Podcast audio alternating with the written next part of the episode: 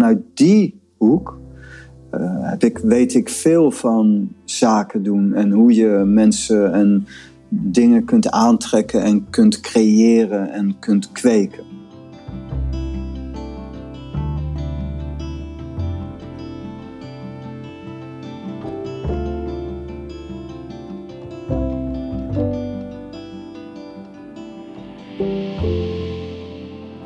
Deze podcastaflevering hoor je mij in gesprek met Pranay, mijn spiritueel leraar, waarmee ik um, op dit moment in een intensief traject zit, waarbij we elkaar bijna dagelijks spreken.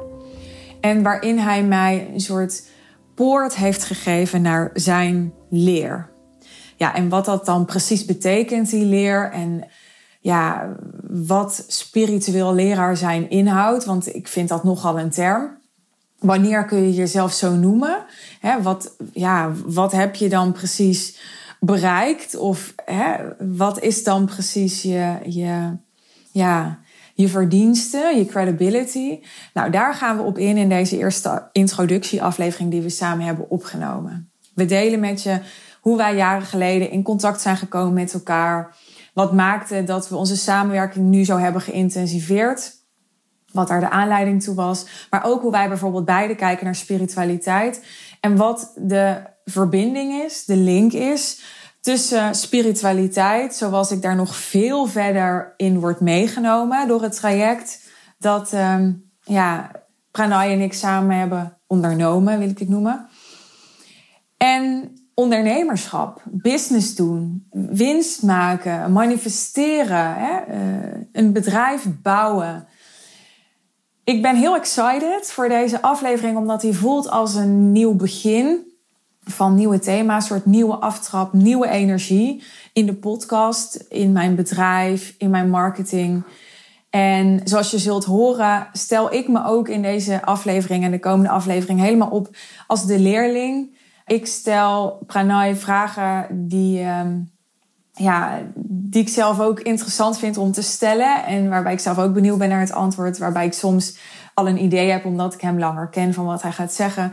En toch probeer ik echt, ook al zit ik op de stoel van de luisteraar en is dat een andere positie dan de positie van Suus, om heel ontvankelijk toch ook weer naar het antwoord te luisteren alsof ik het voor het eerst hoor. En ik hoop dat jij dat ook kunt doen. Dat ook al denk je, oh ja, dit heb ik al vaak gehoord. Of ik wil je echt meegeven, als je luistert naar deze aflevering en de komende afleveringen, be as receptive as you can be. Dus wees zo ontvankelijk mogelijk. Ja, omdat, weet je, je gebruikt deze tijd maar één keer. En dat is gewoon het beste advies wat ik je kan meegeven om, om deze tijd, de tijd dat je luistert naar deze aflevering, zo effectief mogelijk voor je te laten zijn. Maar ik vertrouw er helemaal op dat de juiste mensen het juiste voor hen eruit halen. Heel veel luisterplezier. Pranay, welkom uh, in mijn podcast. Dankjewel. Laten we beginnen met jouw naam. Want ik uh, noem jou Pranay, maar je heet ook Peter. Hoe zit dat? En waarom moet je twee namen hebben? Ja, je moet ook niet twee namen hebben. Het is eigenlijk, Pranay is mijn zennaam. En dat is in de traditie is dat heel gebruikelijk als je begint met je spirituele ontwikkeling, dat je een, um, een zennaam krijgt omdat je eigenlijk een andere persoon wordt. En pranay is mijn zennaam en die is gerelateerd aan uh, Osho. En pranay betekent uh, liefde en is eigenlijk een, een uitkomst van pranayama. Het doel van pranayama is eigenlijk om in contact te komen met prana. En als je dat komt, dan kom je in een liefdevol zijn terecht. Dus prana is ook, uh, in feite, pranayama is natuurlijk ook een onderdeel van pranay. Andersom, pranay is een onderdeel van pranayama. En daar is eigenlijk uh, mijn naam uit uh, voortgekomen. Heb je die zelf gegeven aan jezelf? Ja, de, de neo-sannyasins, die, de, nadat Osho zijn lichaam uit was gegaan, heb je op een gegeven moment kun je gewoon zelf bepalen wat jouw naam is. Ik heb daar wel een tijd over gedaan. Op een gegeven moment ehm, vond ik Pranay onder die namen. En toen wist ik, ja, nu, nu is het moment. En het was ook vlak voordat ik naar India ging. Ik ben vaak naar India geweest en ook een paar keer naar het resort van Osho. En vlak voordat ik naar het resort kwam, ging, kwam ik de naam Pranay tegen en het resoneerde echt direct. En toen wist ik, dit is mijn uh, zennaam. Mooi. Wij ehm, kennen elkaar sinds 2019. Toen ben ik in jouw praktijk gekomen, zoals jij dat noemt. Ja. Ja, jij moet lachen, want uh, waarom moet je lachen? ik weet het, maar. Nou, ik moet lachen omdat je zegt, zoals jij dat noemt, mijn praktijk. Ja.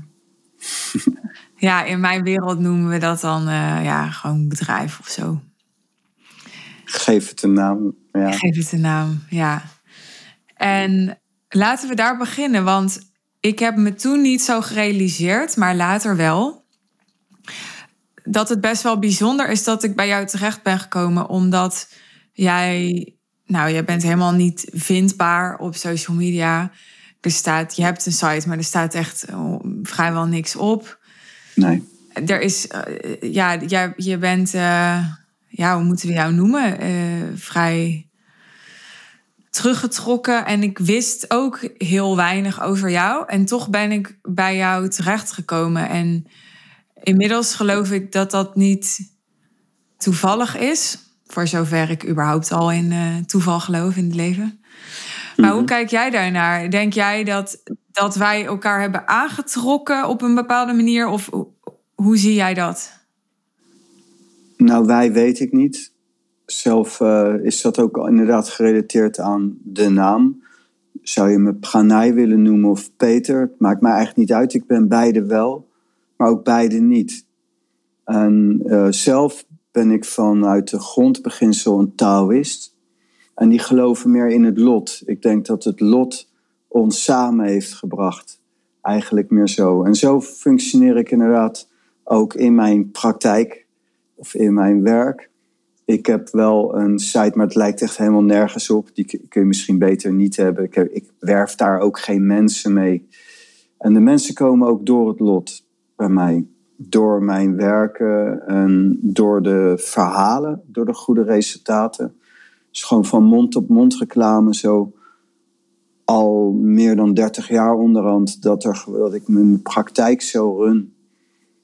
En ik geloof in uh, het lot. En het lot is een positief iets in de taal. Dus het, vanuit de taal gezien is het lot ook meer, ik geloof in God eerder, behalve dat je de term God niet zo snel gebruikt in de taal. Ja, ik wilde zeggen, dat geeft al heel veel aanleiding om op door te gaan. Want ik denk dat er best wel een groep luisteraars is die nu denkt... Huh, maar ik ben juist bezig met manifesteren, met regie nemen over mijn leven... Hè, met creëren, bewust creëren, intentioneel creëren. En dan komt er nu een verhaal over... Ja, maar het is gewoon allemaal het lot, weet je wel. Ik denk dat, ik denk dat mensen nu denken... Ik zet hem nu op stop. Ja, dat mag. Dat is ook het lot. nee, kijk. Het is heel lastig met woorden uit te leggen. De taal die je kunt benoemen is niet de taal. Dus het, het lot is niet een uh, slachtoffer of een uh, leidend voorwerp in dit leven. En het is juist ook een ondergrond, een basis waarop je ook heel goed de regie in je eigen leven in handen kan nemen. En zelf ook kunt creëren dat wat je wenst te creëren. En een onderdeel daarvan is als je dan gaat naar je overgeven aan het lot, wat niet negatief als, of als slachtofferrol is, is dat daar een enorme kracht in zit. En dat klinkt eerst in eerste instantie, als je het gewoon met woorden hoort, passief. Maar het is een heel actief iets, terwijl het ook niet direct actief is, omdat je het niet kunt verwoorden. Het is een andere waarde die vrijkomt door actief en passief gelijkertijd te laten functioneren. Ja. Het lot is een, een onderdeel en je overgeven eraan wat uh, geweld en het geforceerde eruit haalt. Ja. Ook in het creëren. Oké, 2019. Ik kwam bij jou in de praktijk nadat um, ik het best wel zwaar had mentaal in dat jaar tijdens mijn zwangerschap met mijn relatie en daardoor ook met mezelf. En um, zoals sommige mensen misschien wel weten, ik heb toen een tijdje bij mijn vader in huis gewoond en mijn vader wist niet zo goed wat hij met me aan moest. En die uh, had het daar af en toe met mensen over hoe kan ik Suus nou helpen? En nou, op een dag was er een vrouw en die zei, ja, ze moet eens naar, um, naar Peter gaan of naar Pranay. En ik dacht, ja, ik heb niks te verliezen. En, en of het nou het lot was, blijkbaar. Maar ik kwam bij jou in de praktijk in uh, Amsterdam. Mm En ik ben toen uh, een aantal keer bij jou geweest, maar niet eens zo heel vaak. Want ik was al best hoogzwanger. Dus ik ging al bijna bevallen en daarna was ik vooral met mijn baby bezig. En, uh, en toen hebben we eigenlijk een aantal jaar ja, amper contact gehad, toch? Klopt. Waarvan jij later zei, uh, maar er is altijd een energetische verbinding geweest. Gebleven, ja. Is dat iets wat jij dan hebt gevoeld of hebt geïnitieerd? Of eh, hoe moet ik dat, of hoe kunnen we dat interpreteren? Ja, nou via de taal kan ik dat het beste zeggen als, ja, nogmaals, dan moet ik wel eerst weer zeggen, elk woord wat je gebruikt is een ja, verbastering, een, een geweld aan de taal. Dus jij komt in mijn praktijk, ik initieer dat niet, maar het vindt plaats, zoals je dat in de taal zou noemen, spontaan.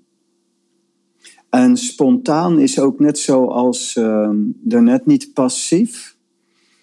Spontaan is ook een, uh, iets wat, dat is het lot in feite zo, het is er.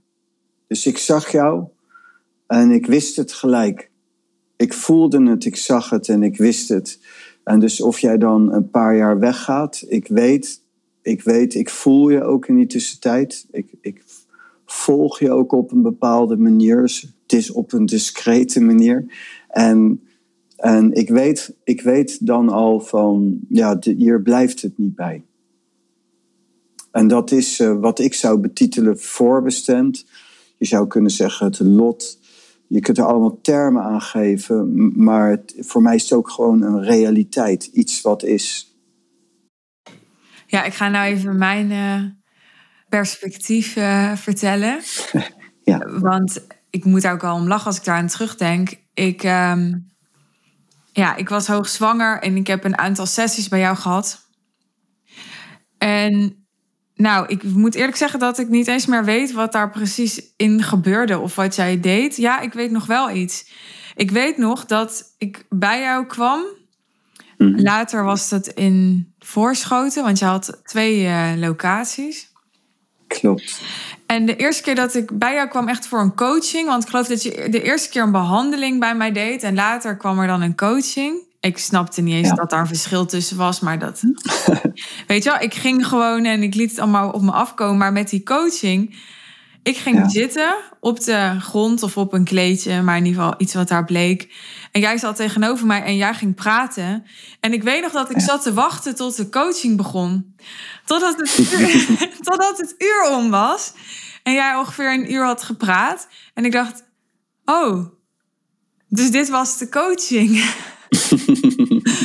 Maar ik kende dat niet, want ik was gewend. Ja, coaching is. Dan gaat de coach gaat coach vragen stellen. En dan ga je daarop antwoorden. En dan gaat iemand daarop doorvragen. En dan ga je dat analyseren en uitpluizen en zo. Maar dat deed jij allemaal niet. Nee. Kan jij eens toelichten wat voor jou dan coaching is? Ja, in coaching kunnen wel al die dingen die je net noemt gebeuren. Maar voor mij, in mijn wereld, is een coaching vooral dat er een energieoverdracht komt. Dus jij zit bij mij en ik, mijn hele werk is om prana over te brengen. Wat geneest, wat harmoniseert, wat de boel in balans brengt. En van inzichten geeft, van, van alles doet. En dat kan in stilte, alleen dan vallen de mensen in slaap. En dat kan ook in, uh, door middel van woorden. En toen ik Oosje tegenkwam, was ik direct enorm gebiologeerd door de manier waarop Osho sprak. En toen dacht ik, dat wil ik ook kunnen. En daar ben ik mee gaan werken en heb ik jaren over gedaan. En na jaren beoefenen en Osho lezen en luisteren, kijken en opnemen en werken vanuit de yoga met die energie, raakte ik in staat om door mijn woorden en door mijn zijn prana door te geven. En dat is eigenlijk het belangrijke van de coaching. Net zoals de woorden in gesprekken dikwijls ook alleen maar ja, dingen zijn die meer onrust en meer ellende en war, verwarring creëren, uh, ben ik vooral geïnteresseerd in niet in de betekenis van de woorden, maar de diepere zin van elk woord. En zo luister ik ook. En dat noem je eigenlijk ook aandachtig luisteren. Als je iemand aan zijn woorden houdt, dat is niet te doen. Daar komt heel veel ellende van. Maar je kunt ook proberen te luisteren. Wat wil iemand zeggen? Wat voelt iemand? Wat ervaart iemand? Uh, dat die persoon die woorden inzet. En dan ga je naar subtiliteit in de woorden. En dan kom, kun je bij energie aankomen. Ja, dit is. Ik heb echt heel erg veel geleerd van jou. Uh, direct en indirect. Maar dit is zoiets. Ik, ik grap altijd. Ik ben een soort half autist. En, en daar hoort bij dat je dingen vrij letterlijk neemt. Dus als jij zegt, ja, als je mensen aan woorden moet gaan houden. Nou, toen je dat voor het eerst zei tegen mij, toen was ik zit half in shock. Toen dacht ik, ja, maar als je mensen niet meer aan woorden kan houden, waaraan dan nog wel? Weet je wel, wat what's the whole point dan? Als je niet meer aan kan ja, op wat mensen zeggen. Nou, je moet kijken naar de oprechtheid. Er is, uh, zoals wij nu ook spreken, is er een interactie tussen jou en mij. En, en dat is een energie. En die is uh, algemeen, buiten mij en jou om, is hier een energie. En dat kun je ook ervaren in jezelf, in je hart en voorbij je hart zelfs. En voorbij al die vormen komt er iets vrij. En als dat iets goed is, is het goed. En als het niet goed is, is het niet goed. Het is niet om daarover te oordelen, maar daar ga ik zelf wel op af. En, en dat is de werkelijke uitwisseling en communicatie. En ik zou jou of iemand nooit aan iets vasthouden, omdat je namelijk elk moment tot een inzicht kan komen of dat er dingen gebeuren en dat je dan andere ideeën hebt. En in de wereld van de taal is ook een heel essentieel onderdeel dat je ook de ruimte hebt om al je zienswijzen en keuzes en alles van je persoon te kunnen herzien. Omdat alles beweegt en als het goed gaat, evolueer je. En dan moet je gewoon de bereidheid hebben om te zeggen: Ik dacht er zo over, ik zei dat. Maar nu, met dit nieuwe inzicht, met deze nieuwe situatie, verander ik. Dat maakt je inderdaad als eh, beoefenaar van de taal. Vinden veel mensen mij die mij niet kennen, als het ware, niet dieper met mij in contact komen, vinden me dan ook wispelturig. Zelf, zelf betitel ik het als gewoon los en vrij, bewegelijk. Maar je zegt altijd, vrij is niet losbandig, want Nee. Voordat mensen gaan denken, ja, maar dan hoef je je dus niet meer op, uh, aan afspraken te houden. Of dan kan ik dus overal zomaar op terugkomen. Dat nee, is zo is wat je zegt. Nee. Nee, ik spreek eigenlijk altijd naar de intentie van zijn. In de taal verken je het innerlijk land, je innerlijke wereld. En zoals wij bijvoorbeeld een jaartraject in zijn gegaan, uh, dan, dan zal ik je nooit aan vasthouden. En elk moment dat je weg wilt, kan je weg. En, dus, en dat zou ik in principe ook kunnen doen, maar ik ben niet losbandig. Dus ook niet als ik emotioneel dat minder zou vinden, dat ik dan zou zeggen, nou zoek het maar uit. Ik, eh, ben, uh, de, ik heb de afspraak is gemaakt eigenlijk. En er moeten echt gekke dingen gebeuren, wil ik me daar niet aan houden. Los is uh, wel op basis van ook verantwoordelijkheid. En ook op basis van een baas vertrouwen. Dat ik uh, oprecht ben en het goed met je voor heb. Dus het is mijn, in mijn oprechtheid echt de opzet om wat we hebben afgesproken na te komen. Ja. Maar er kunnen situaties zijn die dan vrij extreem moeten zijn. Want uh, in principe maak ik dit af. Ja. En dus dat is een totaal iets anders dan losbandig zijn. Of even van, oh, de wind staat nu zo, nou dan waai ik wel mee. En dan zeg ik, eh, doe eens, eens dat, dat, zo, dat, is niet los, dat is niet los, dat is inderdaad losbandig. En losbandig is uh, natuurlijk niet verrijkend voor, voor een mens in zijn leven. Nee, en ik denk dat dat uh, een thema is voor een aparte aflevering, want daar kunnen we heel ver over doorgaan. Want jij weet ook, ik heb wel altijd mensen gehouden aan jaartrajecten en overeenkomsten ja. met mensen getekend. En ik weet dat het dan ook weer niet is dat je daar dan op tegen bent of zo. Dus nee. het vraagt, dat zou ik even tegen de luisteraar willen zeggen, ook echt tijd. En daarom gaan wij ja, gelukkig meerdere podcasts opnemen. Mm. Uh, tenzij jij tot nieuwe inzichten komt. Omdat het echt, ja, ik kan het uit ervaring zeggen, het kost echt tijd om jou goed te interpreteren en te begrijpen. En ik weet dat er nu ja. mensen zijn en die zeggen: nee, maar ik begrijp het wel hoor. nou, dat dacht ik ook. Maar als je, ja, als je bereid bent om echt te luisteren, dan, uh, dan ga je dat denk ik later nog wel herzien. Maar in deze eerste aflevering ging het niet zozeer over ja, of je nou mensen wel of niet aan afspraken wil houden en in welke vorm, maar meer over hoe wij elkaar zijn tegengekomen en hoe onze samenwerking er nu uitziet. Want jij noemde net al, wij zijn een jaartraject ingegaan en ik deel daar af en toe wat over op social media. En ja, sommige mensen zijn benieuwd, uh, hoe ziet dat er dan uit? En ook wat betekent dat voor mij en waarom doen we dat dan? En nou, allemaal vragen die ik zelf ook zou hebben, denk ik, als ik betrokken ben bij een persoon. Ja. Als ik het me goed herinner, ben jij degene geweest die mij op een gegeven moment het aanbod heeft gedaan om zo intensief met iemand te werken als wij nu doen, of met mij te werken. Ja. En dat had je nog nooit gedaan, toch? Nee, in deze vorm is, ben jij de eerste.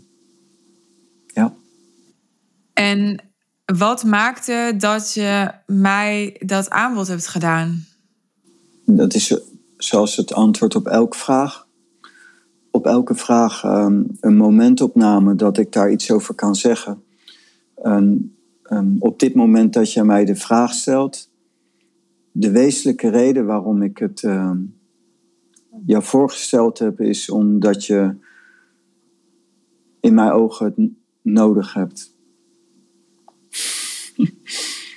Op het moment dat je de vraag stelde, jij wilde iets weten, je wilde iets eigen maken. En, en toen realiseerde ik me, dit is de, als je dit eigen wil maken, dan dat kost een jaar. En toen zei je, dat verbaast me niks. Want ik werk zelf altijd met jaartrajecten. Ik zei, ja, maar het is ook wel heel moeilijk. En het proces je moet wel echt doorzetten. En de manier waarop jij reageerde, dat was voor mij allemaal zo groen licht. En dat gebeurde op dat moment spontaan op basis van een vraag die jij mij stelde. En nou zeg jij uh, omdat je het nodig hebt. En, uh... Nou ja, je nodig, je hebt mij niet nodig, maar om datgene wat je vroeg, ook daadwerkelijk te realiseren, heb je dat wel nodig. Er zijn ook andere mogelijkheden, maar dit is er één. Ja. Dat geeft nog niet een antwoord op de vraag van waarom was ik de eerste aan wie je zo'n aanbod hebt gedaan? Had dat met de timing te maken? Dat je dat eerder zelf niet wilde? Of wat was ah. dat? Ja, ja, dat is. Um, je, je benoemde al dus straks ook dat ik nogal teruggetrokken ben. En um, ik ben eigenlijk uh, ja, jarenlang gewoon bezig meer als een, geweest om als een monnik te leven. Erg teruggetrokken. En ik had ook de behoefte sterk om me niet te mengen in onder de mensen. Wel vanuit mijn werk, maar voor de rest niet te gek, niet te veel naar buiten toe. En inderdaad, vlak daarvoor besefte ik, dat is lastig om even kort uit te leggen, dat uh, de tijden veranderen en dat ik wel naar buiten wil. Heel kort gezegd eigenlijk geïnspireerd door het leed en de huidige situatie in de wereld. Mogelijke derde wereldoorlog op ons dak. De, een verloedering van de gewoon menselijke manier van omgang onder de mensen. Het milieu wat uh, heel slecht aan toe is. En de totaliteit realiseert, door de totaliteit realiseerde ik me, ik wil me niet terugtrekken in een klooster en me onthouden. Ik wil me erin mengen. En, en niet in mengen in de zin, ik wil mee ruzie maken. En, en, maar ik wil een licht zijn meer in deze wereld. En inderdaad, een heel vlak daarna, vrijwel direct, uh, kwam jij eigenlijk aan. En toen realiseerde ik me heel snel van, ja, jij bent weg, wegwijs in de wereld en in het zakenleven waar ik echt helemaal niks van af weet. En ik kan dat niet alleen. En, en nou ja, onze combi is natuurlijk goud. Ik, uh, ik weet uh, niks. Je noemt zelfs namen van bekende Nederlanders die, ik dan niet ken en zo. En ik ben gewoon helemaal niet zo thuis in deze wereld op de manier zoals de mensen zijn. En ik wil wel contact maken met de mensen. En daar voel ik me dan, daar voel ik me dan weer autistisch in. maar dat klinkt ook alsof je heel erg zweeft of zo. Of helemaal niet uh, verbonden bent met het wereldse. En dat is niet hoe ik dat ervaar. Nee, het is meer vaktechnisch ook. En uh, sociaal-technisch. Ik ben helemaal geen zwever. De taal is heel pragmatisch, heel direct. Het is alleen een totaal andere wereld, een andere realiteit. Ondanks dat ik niet een zwever ben, is mijn realiteit wel heel anders dan zoals de mensen leven en denken. Dus het is, uh, ja, het is fijn omdat ik zelf niet te veel hoeft te denken zoals jij ook zo. Ik ben aan het praten, zeg maar ik denk dat de luisteraar thuis. Nou, ik denk dat helemaal niet. het zo of zo interpreteert. Als jij dat niet zegt, dan zou ik me van geen kwaad bewust zijn. En zouden inderdaad ook mijn woorden ook uh, minder makkelijk te interpreteren zijn. Ja. Ja. Het is meer in zo'n zin. Ik kan me voorstellen dat mensen zich proberen een beeld te vormen van wat wij dan doen. Elke werkdag een sessie. Je hebt net uitgelegd dat is een energieuitwisseling die dan plaatsvindt met woorden.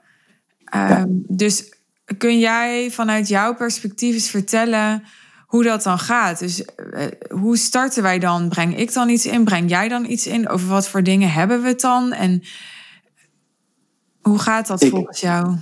Het is zo dat uh, waar twee vergaderd zijn in mijn naam, daar ben ik in het midden. Zo staat het in de Bijbel. Dus wij gaan praten en ik denk, uh, het is misschien apart om te zeggen, maar ik denk altijd aan God. Altijd. En het maakt niet uit waar we het over gaan hebben, maar er is een, een, opgetel, een optelsom van jij en ik. En dat is wij. En in wij zit de derde. En dat kun je God noemen, de ene. De taal noemen. En ik noem het dan de taal, de ene. God. Het is, het is oké, de naam eigenlijk. En, en die energie komt vrij. En die ga ik... Uh, expressie geven, verwoorden. Het maakt niet uit waar we het over hebben op het begin. Meestal begin ik, hoe gaat het? Hoe is het met je? En, en dan komt er iets vrij. En voordat je het weet, door de prana hebben we het over datgene van de leer, van de, van de dharma, de taal, waar het eigenlijk om draait. En dat verzin ik niet, dat is er. Dat, dat, dat laat ik dus gebeuren door het te laten gebeuren. En het is heel essentieel. Het is niet passief, leid, leid, leidzaam, een leidend voorwerp. Uh, uh, ik laat het me overkomen. Um, maar ik laat. Dus het is ook actief. Ik, het is actief passief zijn. En dan komt er iets vrij. En als je in, in lijn bent, in harmonie bent met de taal, kun je dat lezen. In de Bijbel staat het uh, met, met oude woorden en God houdt zijn profeten op de hoogte. Zo ervaar ik dat ook zelf.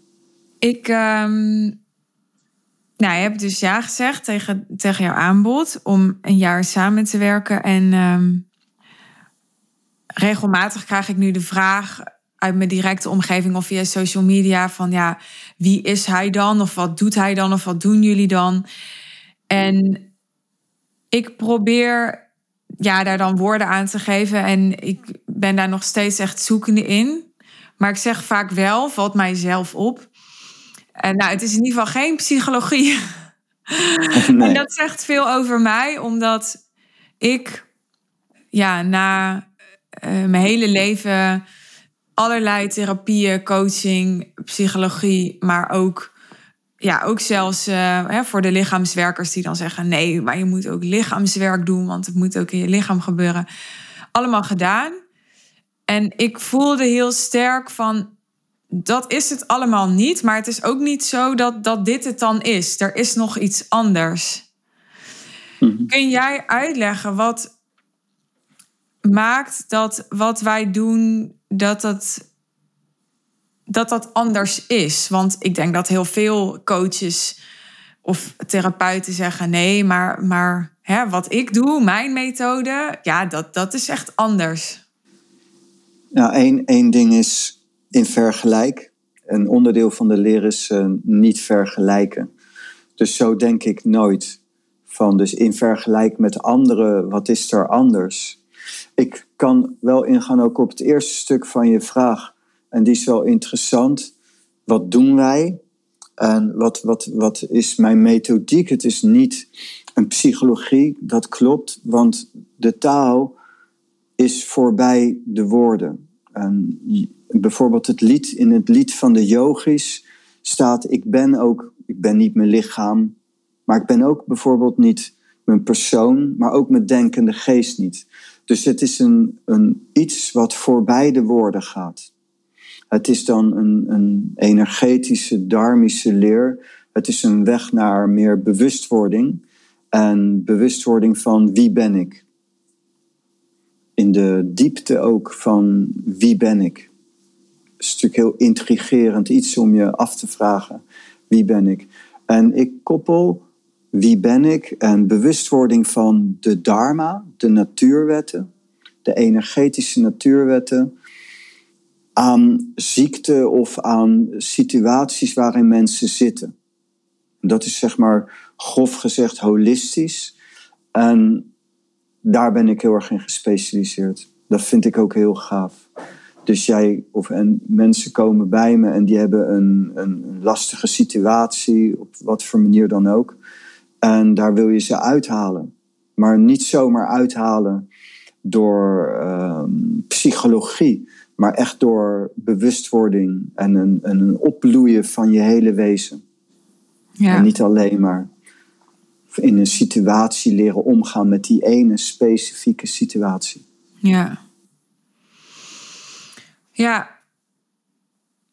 Nou, ik zal uh, iets persoonlijker zijn over wat dat voor mij was, omdat ik het niet zo leuk vind uh, om naar te luisteren als het allemaal zo abstract is. Mm -hmm.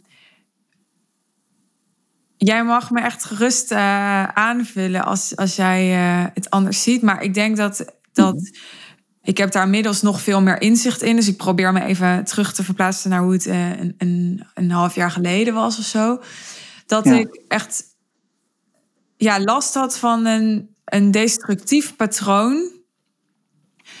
Wat ik dus psychologisch niet, waar ik gewoon psychologisch geen progressie in kreeg, voor mijn gevoel. En dan vraag je je misschien af, wat is destructief patroon?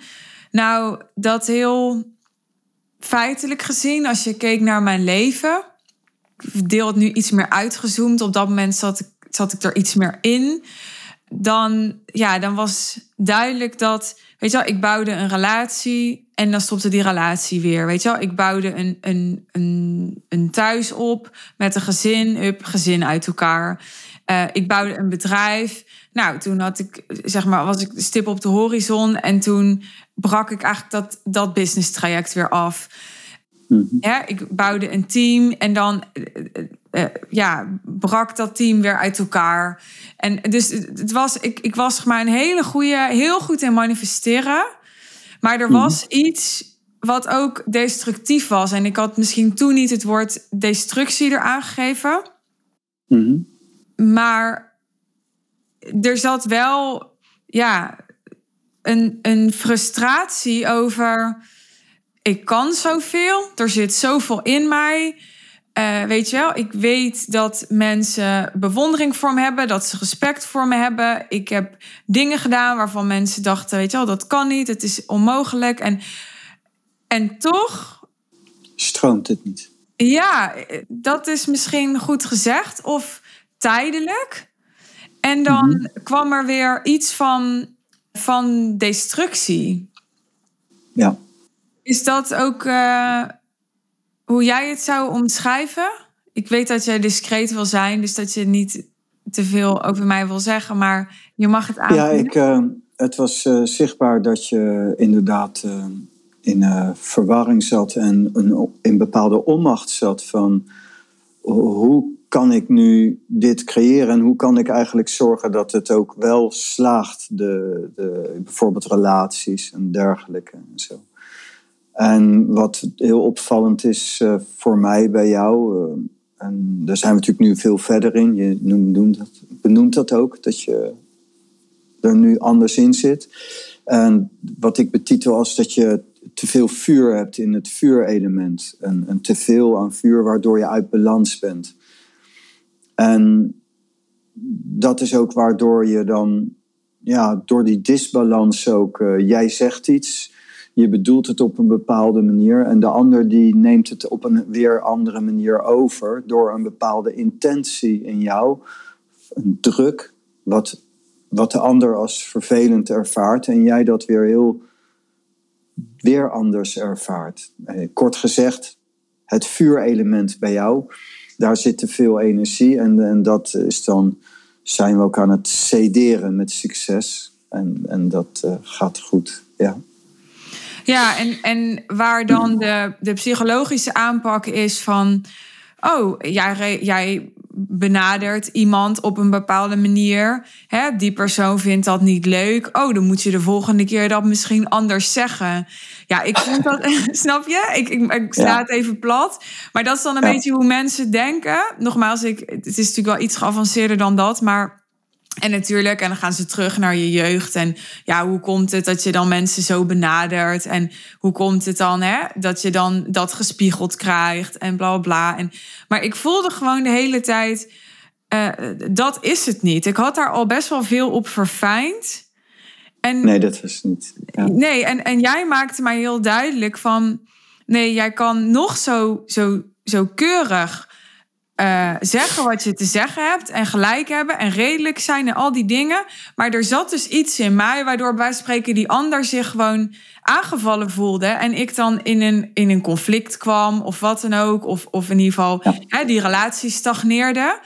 Terwijl ik echt op, op het, het, bijvoorbeeld het communicatieve vlak. Waarmee ik natuurlijk niet wil zeggen dat ik altijd uh, adequaat communiceer. Want het is niet zo. Ik ben gewoon mens.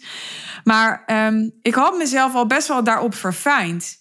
Terwijl ik mm amper progressie zag gespiegeld. Dus ik dacht, daar klopt iets niet. Nee, dat klopt. Je kunt dat niet spreken over bekwaamheid op uh, een sociaal vlak of communicatief vlak. vanuit de wereld, of psychologisch gezien, of uh, kennis omtrent je vak. En dat is ook het, ehm, ja, het trieste eigenlijk in heel veel situaties. Dat uh, prana-technisch is het gewoon, er zit ergens meer energie dan dat er zou moeten zitten. En dat trekt ergens anders ook een tekort aan energie waar iets meer energie zou moeten zitten. En dat moet dan in balans komen. En je maakt dan ook geen kans. Heel veel mensen maken eigenlijk geen kans, terwijl ze wel alle kwaliteit in huis hebben. En dan moet je dat uh, eigenlijk eh, in harmoniseren, in balans brengen. En dat is niet iets wat, um, ja, dat, dat kun je een, een positieve draai geven. Een stukje met behulp van inderdaad bijvoorbeeld psychologie vanuit je verleden. Oh, want je hebt een slechte jeugd gehad en je hebt wat nare dingen meegemaakt, et cetera. Uh, maar dat is het wezenlijk niet. De, de antwoorden, wezenlijke antwoorden zitten in het hier en nu. In dit moment. En het heeft meer te maken met een specifieke intentie van zijn, wat heel zweverig vaak klinkt voor mensen, maar eigenlijk veel realistischer is als je inderdaad, wat je al noemt, concreet gaat werken. Dus iemand komt aan met een bepaalde casus, iemand zit in iets. En dan kan ik, en dan, als ik dan ga praten, dan wordt het heel concreet, heel direct, heel pragmatisch, heel menselijk.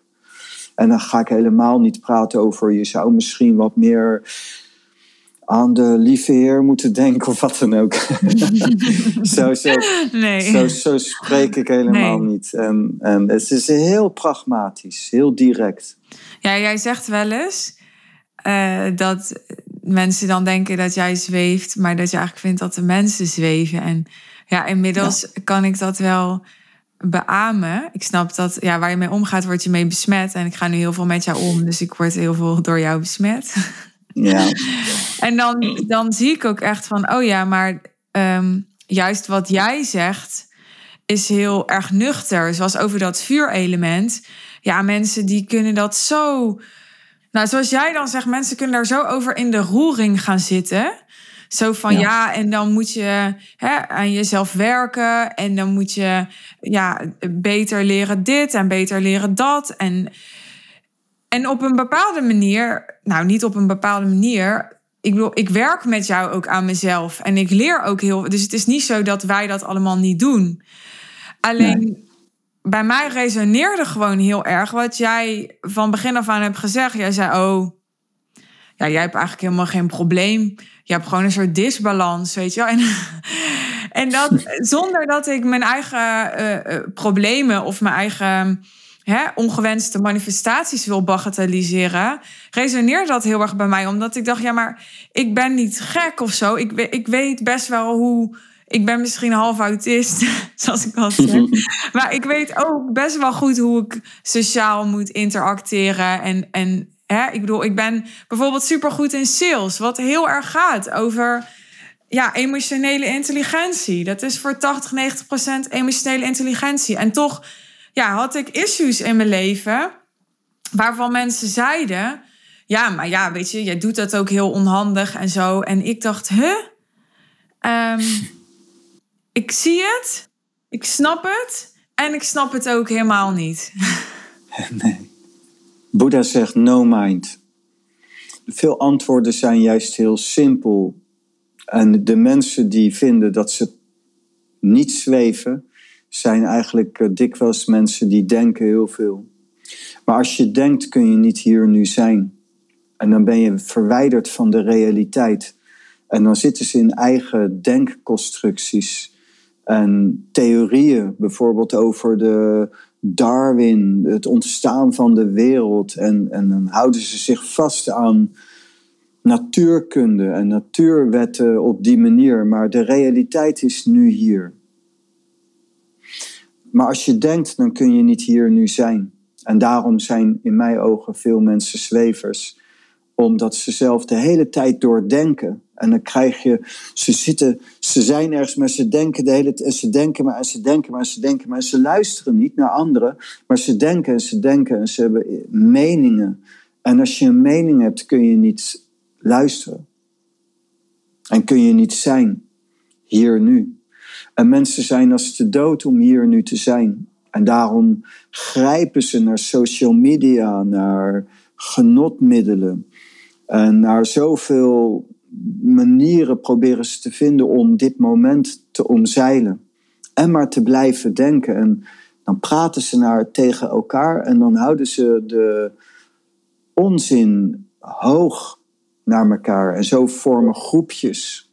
En dan gaan de groepjes tegen elkaar ageren en reageren. En dat is allemaal zo gebaseerd op denken en ideeën. En dat, is, dat denken is een heel onrealistisch iets.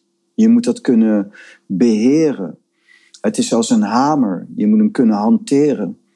Een gereedschap. Maar je moet niet de hamer vragen wat je moet doen. Nee, nee.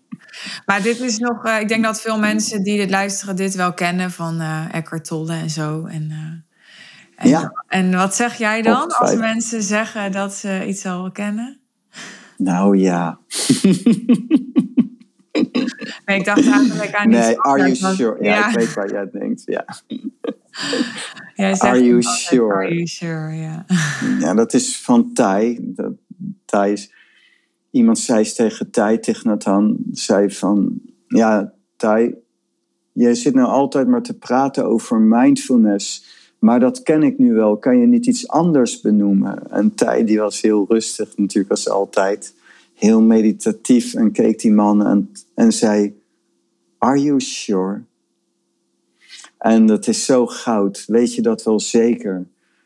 En, en dat kun je je dikwijls afvragen. Het is een soort affirmatie die ook Thij opgeschreven heeft. Are you sure? En het is zo'n mooi iets. En die gebruik ik zelf ook veel, ook naar mezelf. Ja. Ja. Ik wil nog even naar het zakelijke, want ik kan me voorstellen dat mensen dit luisteren en dat ze denken: oké, maar ze is business coach, heeft altijd over simpel en winstgevend ondernemen en het high-end business model. En opeens gaat ze dan podcasten met een leraar ja, mensen snappen nu onze persoonlijke relatie, maar ik weet niet of ze al helemaal snappen waarom wij dit opnemen. Zeker nadat jij net zegt, nou ja, van zaken doen, daar weet ik echt helemaal niks van af. ik ben het er eigenlijk niet zo mee eens. Althans, ja, ik weet inmiddels hoe ik dat moet interpreteren als jij dat zegt. Maar ik weet mhm. niet of de luisteraar dat ook weet, want ik ken jou natuurlijk nog niet. Nee. Ik denk dat jij echt heel veel verstand hebt van zaken doen. Ja, vanuit een ander, andere achtergrond. Mijn basisleer is van de gele keizer. Een Chinese geneeswijze. En dus uh, vanuit de gele keizer is de hele geneeswezenlijke geneeswijze ontstaan. Het is een dik boek, de Night Ching. Een heel mooi boek. Moeilijk. Moeilijk om mee te werken. En vanuit daaruit is ook de taal ontstaan. Vanuit de gele keizer. En vanuit die hoek uh, heb ik, weet ik veel van zaken doen en hoe je mensen en dingen kunt aantrekken en kunt creëren en kunt kweken. Alleen ik weet niet hoe de hedendaagse zakenmens denkt. En dus als ik het had over zaken doen, dan heb ik het eigenlijk over weer ja, de, de, de, de hedendaagse zakenwereld. Uh, waar, waar, die ik ook niet nodig heb zelf voor mezelf om dingen te creëren. Maar om naar buiten te treden is het wel heel fijn om dat in combi te doen. Maar als je mij vraagt van creëer ergens in de Sahara een, een ijssalon, dan, dan doe ik dat. Dan kan ik dat. Ja. Nou is het in de Sahara ook niet zo moeilijk, denk ik, om, om een nou, ijssalon op te zetten, toch? Nou, vind, vind maar mensen die daar ijs willen kopen en ga maar een ijskast daar neerzetten. Ja. Okay. Fair enough. Nou, even doorgaand op dat stuk ondernemerschap. Mhm. Het is pas eigenlijk heel recent. Uh, jij hebt uh, tijdens mijn live dagen bijvoorbeeld in juni met mijn klanten heb je een workshop gegeven. Dus ja. vanaf dat moment zou ik zeggen, snap jij eigenlijk pas echt wat ik doe, toch? Ja, klopt. En, en, ik had geen idee. En wat vind je daarvan? Als je daar gewoon iets over uh, ja, mag zeggen. Vermakelijk. Ehm, dus heel leuk, grappig om te zien. Ja, wat ik daarvan vind, als ik. Ehm, ik vind het natuurlijk heel goed, ik heb daar heel veel waardering voor en het is kunstig. Maar het is voor, vanuit mijn perspectief gezien ook leeg, want het, het draait eigenlijk om zaken doen en om winst en dat is ook goed. En, maar het moet eigenlijk ook gekoppeld zijn aan persoonlijke groei. Je moet je succes ook kunnen dragen. En wat je ook ziet is bijvoorbeeld in de wereld, heel veel mensen willen beroemd zijn, bijvoorbeeld. Maar de beroemde mensen die zitten aan de drugs, die gaan dood, die hebben een verschrikkelijk leven eigenlijk. Het is opmerkelijk dat nog steeds zoveel mensen dan bekend willen worden. En dat is met alles in de wereld. Je moet het ook kunnen dragen. Een uitvinding moet je kunnen dragen. Succes moet je kunnen dragen. En mensen denken misschien iets te gemakkelijk over alleen succes. Dus ik vind veel mensen die succesvol zijn ook ja, wezenlijk als persoon ook wel een beetje oppervlakkig. En terwijl ze wel heel. Nou, ik vind jou vermakelijk, zoals ik al zei. Nee, dat is juist ook een onderdeel van de zelfdestructie, of bij jou wat je dan noemt als zelfdestructies. Dan moet dan denken natuurlijk weer een hele andere dingen aan dat destructiepatroon in jou, omdat je die diepgang wilde. Dus je bouwt een, iets op, een traject, en dat, dat, dan, dan, dan maak je dat zelf eigenlijk weer op een bepaalde manier ongedaan. En dan denk je, ja, waarvoor maak ik eigenlijk mijn eigen dingen ook ergens kapot? Maar dat, eigenlijk is dat een, je maakt niet jouw eigen ding kapot. Je maakt het, de beperkte band kapot, want je zoekt naar meer diepgang. Dat is ook een van de redenen waarom ik met jou in zee uh, ben gegaan. Uh, de eerste is de belangrijkste, waar we het er straks over hebben gehad. Maar dit uit zich ook in dit soort dingen. Dat ik gewoon zie bij jou, ja, maar jij zit eigenlijk niet in de problemen. Jij zoekt gewoon naar meer diepgang. En jij kan wel psychologisch je verleden oplossen, maar je zoekt naar diepgang. En als die diepgang niet komt, dan ben jij gewoon niet blij. En dan kun je de dingen niet meer oplossen. En dus ik vind jou niet. Uh, oppervlakkig of leeg, maar nou ja, een soort onwetend uh, nog. En dat is ook waarom we dit traject in zijn gegaan. Om mm. de, iemand zei ook, je noemde dat ik eh, voor jouw mensen stond, vond ik heel leuk om te doen. Ik had geen idee van tevoren, inderdaad. maar ik vond het wel heel leuk. En een van die deelnemers, eh, die vroeg ook, een vrouw, die vroeg ook van, ja, ik mis draagkracht. En dat is eh, heel mooi verwoord van die vrouw. En ja, heel veel zakenmensen zijn, ik bedoel niet met oppervlakkig dat ze dom zijn of zo. Het zijn natuurlijk hele intelligente mensen juist, anders kun je niet een business opbouwen. En het zijn ook mensen die ook wel sociaal slim zijn, intelligent zijn. En, en dus uh, bedoel dat niet verkeerd, uh, dat ik ze oppervlakkig vind, simpel vind. Je ziet gewoon dat eigenlijk de, het spirituele helemaal nog niet geïntegreerd is in, in, in het wereldse gedeelte. En dat is ook het verhaal voor mij, is het wereldse gedeelte wel geïntegreerd als persoon, maar niet in ja, ik heb me een beetje. Ik was ook niet thuis afzijdig gehouden naar de wereld toe. Ik wilde ook niet te veel mengen. Alleen via mijn werk en mijn praktijk. En daar zit een beetje de angel, de, dus de oppervlakkigheid. En dan heb ik het eigenlijk altijd, zoals ik al zei, ik denk altijd aan de taal. Ik denk altijd vanuit de taal. Ik functioneer vanuit de taal. Dus als ik zo'n term gebruik als oppervlakkig, dan is dat ook dat gerelateerd, gerelateerd aan de taal. Een hmm. ontbreken van een bepaalde kennis van de dharma-wetten, zeg maar. Ja. En um, je voelt wel motivatie? Of waar, waar, zit jouw motivatie? Je noemde eerder een beetje het, het leed in de wereld. Uh, maar dan, ja, dan, ik bedoel, ik denk dat de ondernemers in Nederland niet de mensen in de wereld zijn die het allermeest lijden. Dus waar zit dan jouw motivatie om met mij in eerste instantie via deze podcast wat van die onwetendheid bij mensen? De, de nieuwe tijd is een uh, samenkomst van de wereld en het spirituele.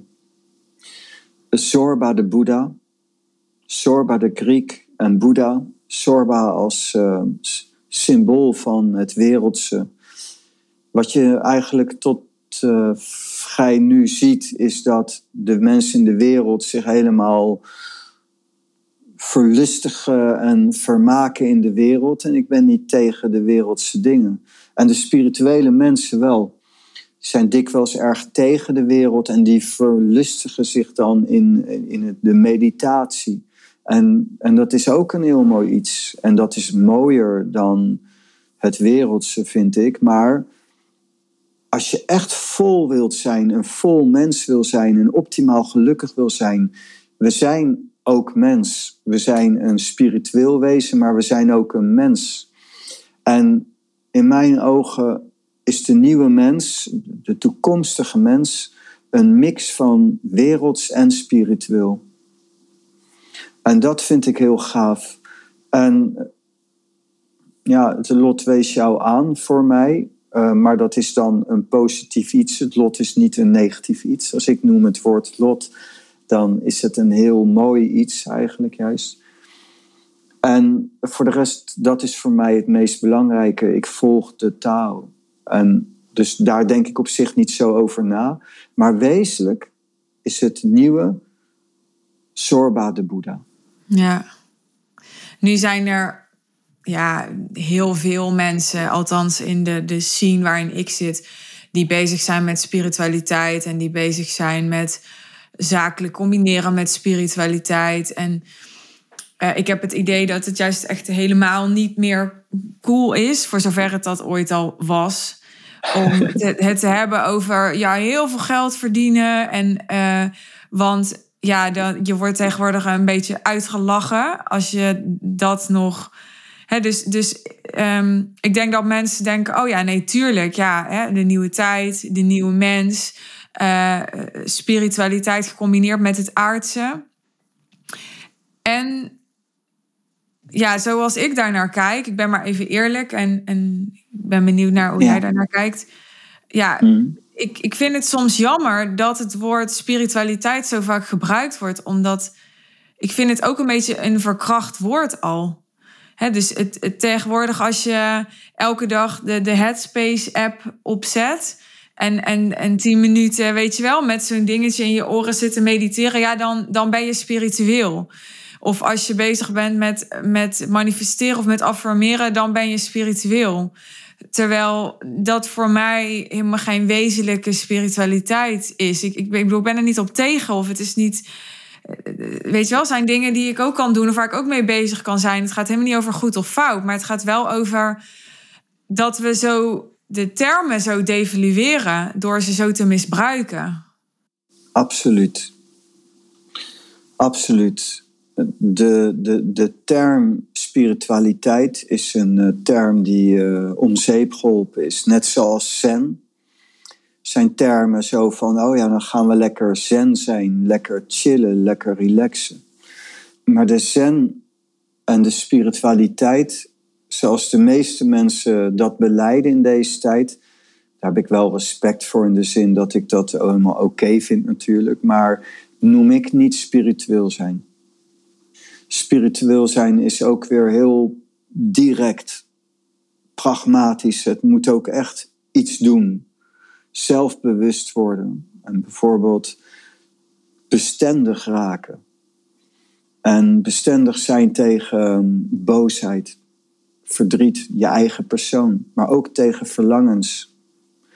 En het is iets wat werkelijk tot leven komt, bijvoorbeeld bij mij, als je in contact komt met prana. De werkelijke manifestatie van de ene, van de taal, hier nu. En de geheimen en de wonderen ontdekt van dit moment. Daadwerkelijk. En dat doen niet veel mensen. Veel mensen die denken door en leven gewoon door zoals men leeft, maar dan in een kleur van zen of spiritualiteit. Daar ben ik niet op tegen, alleen dat benoem ik niet als zijnde spiritueel. Dat, dat, dat uh, is voor mij iets anders. Ja. Nou ja, ik kan uh, uren met jou uh, doorpraten. Maar dat doen we ik, ook.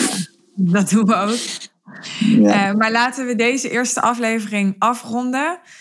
Uh, mm-hmm. Er is heel veel in beantwoord en ook nog heel veel niet.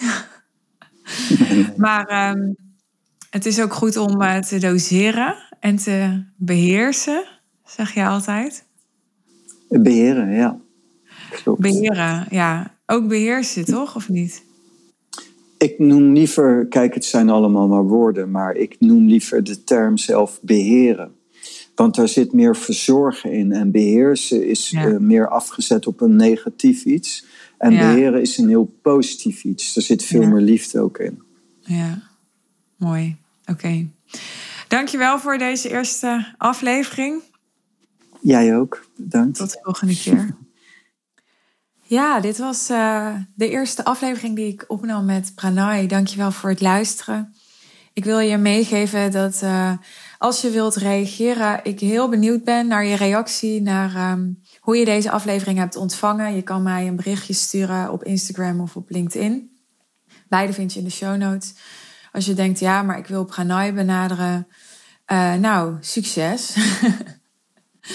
zeg ik namens hem, want zoals je kon luisteren, hij is behoorlijk teruggetrokken. Maar ik zou zeggen, be creative. En um, ik hoop dat je blijft luisteren naar de komende afleveringen. Want we kijken er heel erg naar uit om meer content te maken voor je.